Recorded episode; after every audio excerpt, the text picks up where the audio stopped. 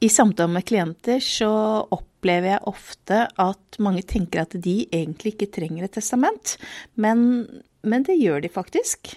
Hvordan er det med dere, Kristin og Hanne? Opplever dere ofte at, eh, at, klienter kommer og tenker at de ikke trenger testament, men at de egentlig gjør det likevel? Ja, for å snakke litt rundt, uh, ordentlig rundt behovene, så viser det at det er mange som trenger det. Det er mange som trenger det. Det syns jeg vi skal snakke mer om i dag.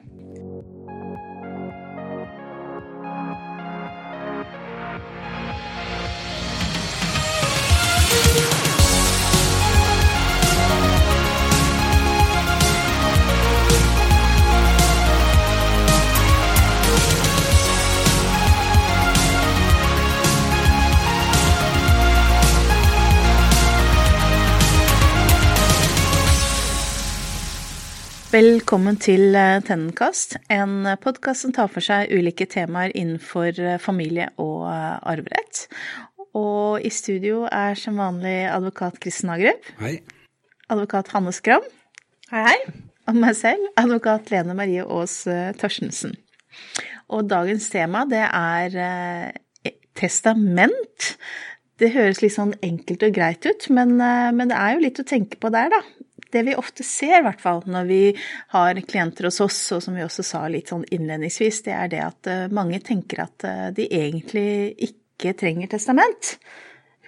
Nei, og det er jo sånn at eh, man må tenke seg litt godt om. Og det er jo slett ikke alle som gjør det, men alle som ønsker en annen ordning enn den som følger av arveloven, de må jo skrive testament for å få til det.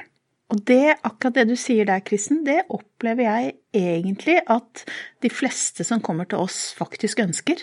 Selv om de har eh, helt vanlige familieforhold osv., så, videre, så er det veldig mange som har tanker om, om eh, hva som skal skje den dagen de dør. Det er ikke akkurat bestandig sammenfallende med det som arveloven legger opp til. Og det skal vi komme tilbake til. Men før vi begynner å snakke om det, Anne, så hva er uh, egentlig et testament? et enkelt spørsmål. um, testament er et dokument hvor du fordeler eh, arven etter deg. Og det, det står man jo ikke helt fritt til, men det, det, har vi snakket om tidligere også. Men eh, det er i hvert fall et dokument som er skriftlig, og som det er noen krav til hvordan det skal være. Det kan man ikke, kan ikke lage det på hvilken som helst måte. Det er strenge krav til hvordan et testament skal være. Det skal være skriftlig, og det skal være med vitner, og det er strenge prosedyrer knyttet til signeringen som eh, man må følge. Veldig mange som lurer på om de kan lage testament selv. De eh, kommer til oss og spør om det. Eh, og det de egentlig lurer på da, det er jo disse formkravene. Dette med to vitner og skriftlighet og, og alt dette her. Og det kan være vanskelig nok, det, men det er ganske godt beskrevet i arveloven. Det som egentlig er vanskelig ganske ofte, det er jo innholdet i testamentet. Og det er kanskje det man først og fremst trenger hjelp til. Mm, helt klart. Og det er ikke bare innholdet i testamentet, ikke sant, hvem arver hva, men vi ser jo at feilen starter jo mellom samboer og ektefelle, f.eks. Hvem eier hva. Mm. Men det, det, er et stort tema. Det kan vi komme også litt tilbake til. Men når vi er da er inne på dette med formkrav, da, det er som du sier, Kristen, det står ganske godt beskrevet i arvelovens regler eh, hvordan et uh, testament uh, må gjøres for at det skal være gyldig. Men når man først da har laget et testament, da, og dette er gyldig, hva, hva gjør man egentlig med dette testamentet? Altså, man bør oppbevare det et trygt sted. Sånn at uh, de som uh, de som trenger å ha det, de får det. Ja, at det kommer fram. Og motsatt. At de som ikke trenger å ha det, ikke finner det. Hvis de som ikke, ikke, liker testamentet, finner det først, så kan det jo fort bli borte. Så vi anbefaler at testamenten oppbevares i tingretten. De har et brannsikkert arkiv. Og det er jo tingretten som behandler alle dødsboskifter sånn formelt, og får melding om alle dødsfall. Og de vil jo søke i sitt register, landsdekkende, eh, og vil finne da testamentet ditt, eh, enten det ligger til oppbevaring i den tingretten der du bor, eller i en annen tingrett du har flyttet i etterkant. Det er den tryggeste måten å oppbevare testamentet på, er å sende det til tingretten for oppbevaring, og det anbefaler vi. Ja, må man betale et lite gebyr for det, og det, det tenker vi er det er verdt. Absolutt. Ja. Men når man først har laget et eh, testament, da, så er det jo mange som sier at eh, å, nå er det gjort, ferdig med det, det var deilig. Men eh, det er litt sånn viktig å tenke på at et testament, det, det skal man ta opp med jevne mellomrom og vurdere om det er behov for å gjøre endringer. Det som er Et av vilkårene for et av formkravene for testamenter da, er at man må være klar ved full sans og samling når man lager testamentet. Og, og, så lenge man er det, så kan man også endre testamentet. Uh, og helt enig i at man bør uh, ta det frem en gang iblant og se om ja, hvordan situasjonen har forandret seg. Kanskje det er behov for å gjøre forandringer. Men så ser vi også noen som kanskje typisk mot slutten blir veldig opptatt av dette og endrer testamentet sånn hver 14. dag. Det er jo ikke ønskelig, selvfølgelig. Men uh, Typisk er vel at man kanskje ønsker Jeg er helt enig i det, det er jo ikke en ønskelig ordning, men sånn på generelt basis da, så anbefaler vi folk å å, å se på det hvis det skulle skje endringer i formuessituasjonen, enten for hvis man er i et parforhold, at partneren har fått bedre eller dårligere økonomi, eller en selv har fått det, f.eks., så kan det være behov for å sikre hverandre på en annen måte. For det man hadde tenkt da, det går ikke lenger, hvis man ser på testamentet, f.eks. Eller hvis man skulle endre seg, at man har vært, eh, vært uh, i et parforhold, og det endrer seg, at man blir alene, eller andre familiære forhold, da, mm. som gjør at det er nødvendig å, å gjøre endringer, eller et barn skulle få større behov for bistand, eller Ja, det er mye som kan skje.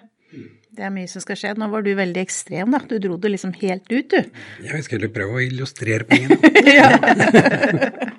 Men poenget vårt er egentlig at man bør ta det opp. Ja, og, det og gjøre endringer. Ikke hver 14. dag, men uh, hvert femte år, kanskje. Ja. Nei, det er jo veldig mange føler jo altså, en eller annen litt sånn rar uh, følelsesmessig belastning ved å tenke på de tingene. Uh, at det er, litt, det er, litt vanskelig. Så de fleste har en sånn reaksjon at når man først har gjort det, så er det veldig deilig å slippe å tenke på det en stund. Mm, det er klart. Mm.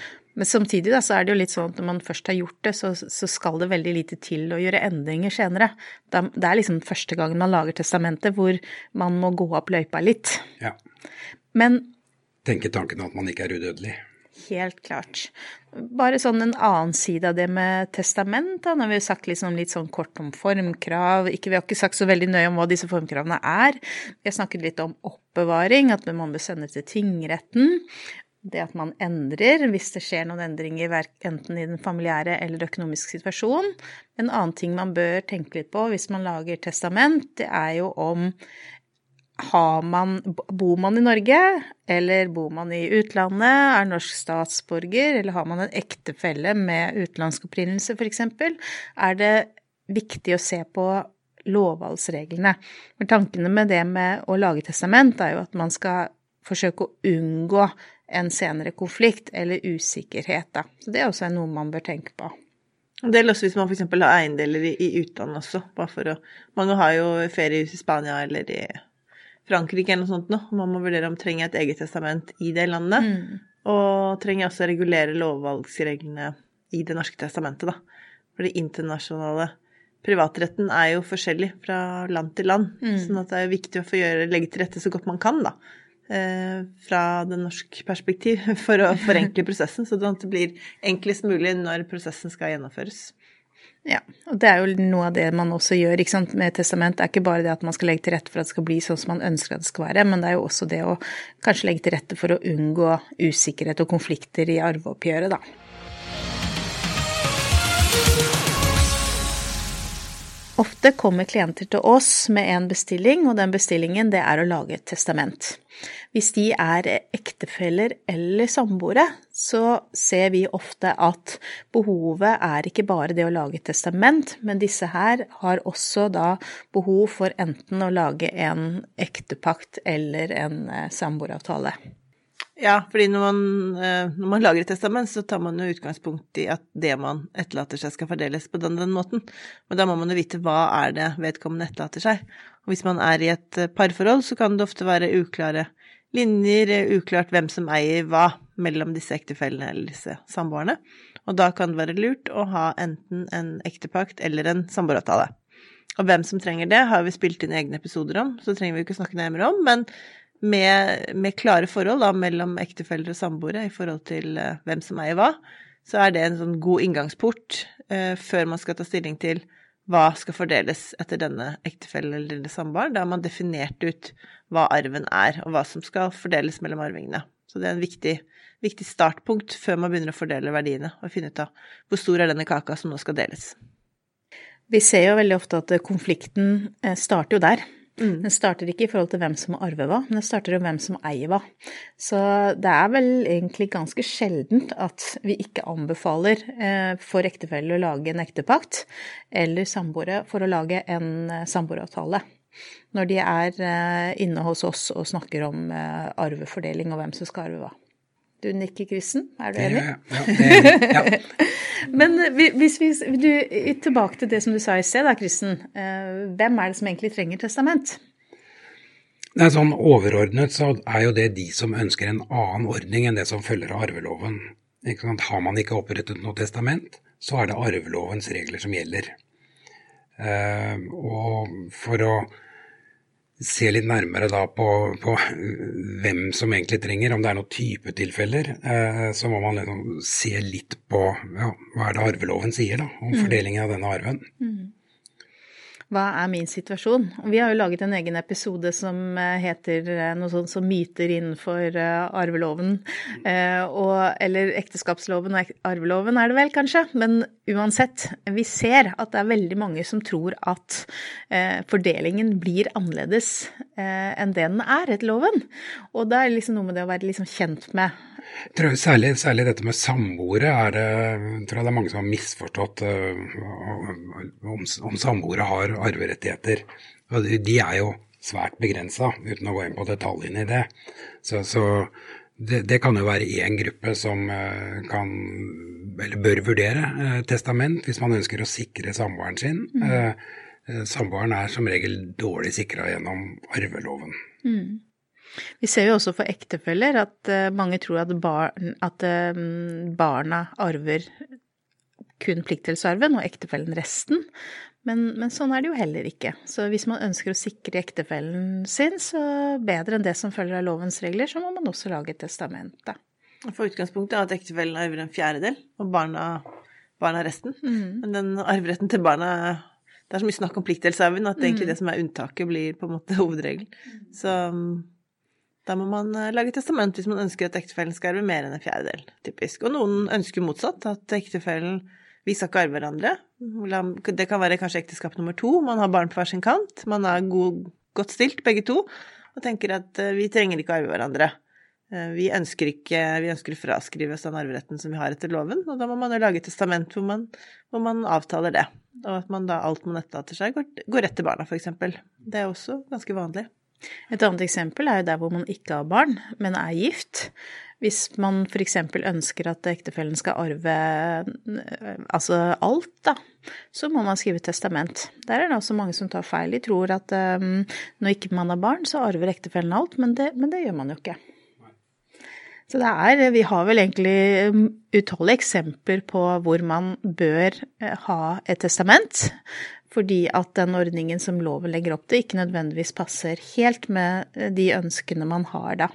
Da må man gå inn og vurdere om man eh, er ektefelle, samboer, har barn, har ikke barn, særkullsbarn osv. osv. Men eh, det er jo ikke bare i forhold til arvefordelingen vi ser behovet for å lage testament. Det kan jo også være det at man ønsker å knytte enkelte vilkår til arven. Ja, men det kan man tenke seg i mange, mange, forskjellige former. Eh, det kan jo være at en av arvingene skal overta hytta, f.eks., eller man kan ønske at eh, alt man etterlater seg skal være særeie for arvingene. Sånne ting kan man uh, ta inn. Uh, her er det liksom ubegrenset med eksempler. Og særlig det du sa om hytta, da. Hvis man ja. ønsker at begge barna skal arve hytta, så kan ja. man sette som vilkår at da skal de lage en sameieavtale. De regulerer bruken av hytta og Ja, med forkjøpsretter ja. og masse Sikrer kanskje at hytta er i familien. Altså man kan sette masse vilkår. Mm. Man kan jo sette alle mulige slags vilkår i et testament, egentlig. Og så er det jo mm. spørsmål om hva som Og hvis man ikke, hvis man ikke gjør det på forhånd før man faller fra, så må det være et testament. Hvis ikke så får man ikke regulert det. Mm. Det er jo kun eh, i forhold til pliktdelsarven at det er enkelte begrensninger eh, på det å sette vilkår, da. Men eh, det er rart med det. Selv i de vanlige hjem i dag så etterlater man seg ganske store verdier. Og der har man da som sagt den muligheten til å bestemme litt hva som skal skje med det man etterlater seg, da. Og så er det mange som har noen tanker om barnebarn. Man tror kanskje at barnebarn også arver, men hvis man ønsker at barnebarn skal arve, eller at det skal være enkelte vilkår i forhold til barnebarna, da, f.eks. at det de arver etter meg skal gå til studier eller uh, førstegangskjøp bolig osv., så, videre, så må det inn i testamentsform. Det er veldig vanlig. Særlig typisk til barnebarn, så syns jeg de vilkårene går igjen. Sjelden til barn, men liksom barnebarn, da er det, det er, de er etableringsfasen, ikke sant? Ja, det er litt med at levealderen eh, øker. Mm. Barna er kanskje vel off og trenger ikke arven lenger, men det er barnebarna som egentlig trenger. Og da er det stort sett studier og første bolig er det viktigste. Mm. Det er jo bra, da. Men når det gjelder barn, så ser vi kanskje oftere det at eh, foreldre ønsker å pålegge barna sine en særeieklausul på arven. Det vil si at de ønsker at barna skal arve alt det man etterlater seg, egentlig slik det er etter loven, men de lager et testament som kun inneholder den, eh, et punkt, og det er at den arven som barna mine arver etter meg, det skal være mine barns særeie. Det innebærer jo at de får med seg de verdiene ut ved en skilsmisse, f.eks. Så har vi jo laget en egen episode som gjelder eh, ektefelle, hvem eier hva, og samboere, hvem eier hva, hvor vi går nærmere inn på dette her. Men for at det skal være bestemt, så må det i ekteskapsform eller ned i et gavebrev, hvis man gir det som forskudd på arv, f.eks. Det kan jo være ofte enklere at eh, en forelder har gitt det pålegget, at man slipper å ta den eh, runden selv og si at nå arver jeg det, og jeg ønsker å lage en ektepakt og at det skal mitt sære, men da er det mer man kan skylde på foreldrene sine og si at det jeg er pålagt å ha det mm. sånn. Og det er også vanlig i forhold til denne hytteeiendommen som du nevnte i sted, Hanne, at eh, man ønsker f.eks. et familiested skal gå i generasjoner, eller eh, hvis det er et eh, familieselskap f.eks., så er det også veldig vanlig å knytte ganske strenge kriterier til, til arven. Mm. Og da må man jo ha et testament, da. Og det er jo typisk, Hvis det er selskaper det er snakk om, så kan det jo være noen vilkår om at man må tiltre aksjonæravtaler og, og sånne ting. Mm. Dette er jo, sånn, Testament er jo skreddersøm, så her må jo hver og en gå inn og vurdere hva, hva er viktig for oss og hva er viktig for neste generasjon. Men det som er, er at hvis man skal være trygg på at det skal bli sånn som man ønsker det, så må man ha et testament for å, å legge til rette, da. Det er et veldig fleksibelt uh, instrument, sånn at vi vi kan jo tilpasse enhver type familiesituasjon og oppfylle veldig mange kriterier og ønsker for å sikre best mulig den enkelte familie, da. Mm. Men så er vi jo det, når vi, vi, snakker om testament, da, så er det litt sånn bør man gjøre dette her på egen hånd? Mm. Jeg tenkte bare kunne skyte inn eh, altså en gruppe til som er et godt eksempel på folk som bør vurdere om de, de trenger testament. Det er det er barnløse. De står helt fritt med hva de vil gjøre med det de etterlater seg. Da er det ikke noe sånn pliktdelsarv eller noe sånt. Det kan være ektefellearv, da, men i utgangspunktet eh, så står man helt fritt til å utpeke sine egne arvinger. Loven har et system hvis man ikke gjør det, da går det til slektninger. Eh, men ofte så er det sånn at man kanskje har nært forhold til noen slektninger, men ikke andre. Eh, kanskje man vil ha en annen fordeling enn det som følger følger etter loven. Ehm, så der, der, er det ofte behov for å tenke gjennom om man ønsker noe annet. Kanskje alt skal gå til en veldedig organisasjon eller et eller annet man er opptatt av. Mm. Det er et godt poeng, eh, Kristen. Tilbake til det som eh, jeg innleda med, da, før du, før du hoppa litt av. trenger, man Nei, trenger man hjelp til å lage testament, eller er det ok å gjøre dette her på egen hånd? Hvis du spør meg, så er svaret ja. Det trenger man litt hjelp til. Og nå spør vi han òg. Hva mener du, Hanne?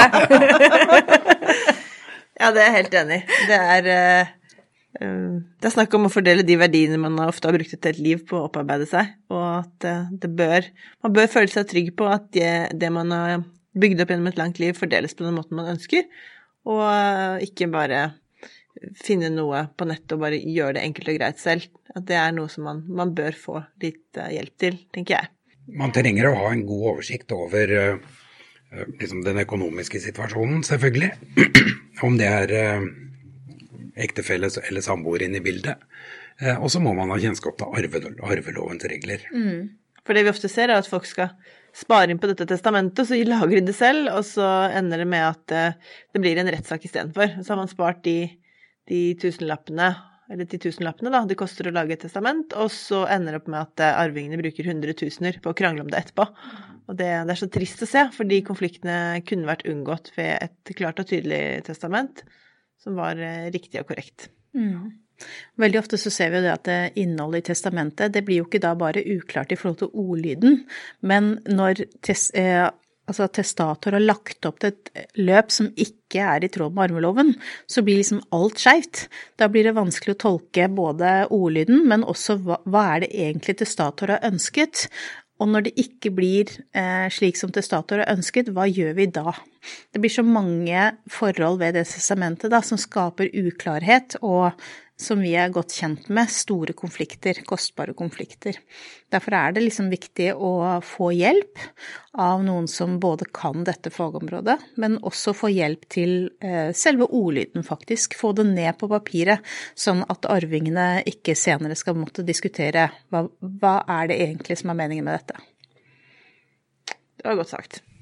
Ja, det er noen ganger jeg klinker til. Da avslutter vi, da. Jeg tror det holder egentlig for i dag. Ja, det gjør det. Det det. Takk for i dag.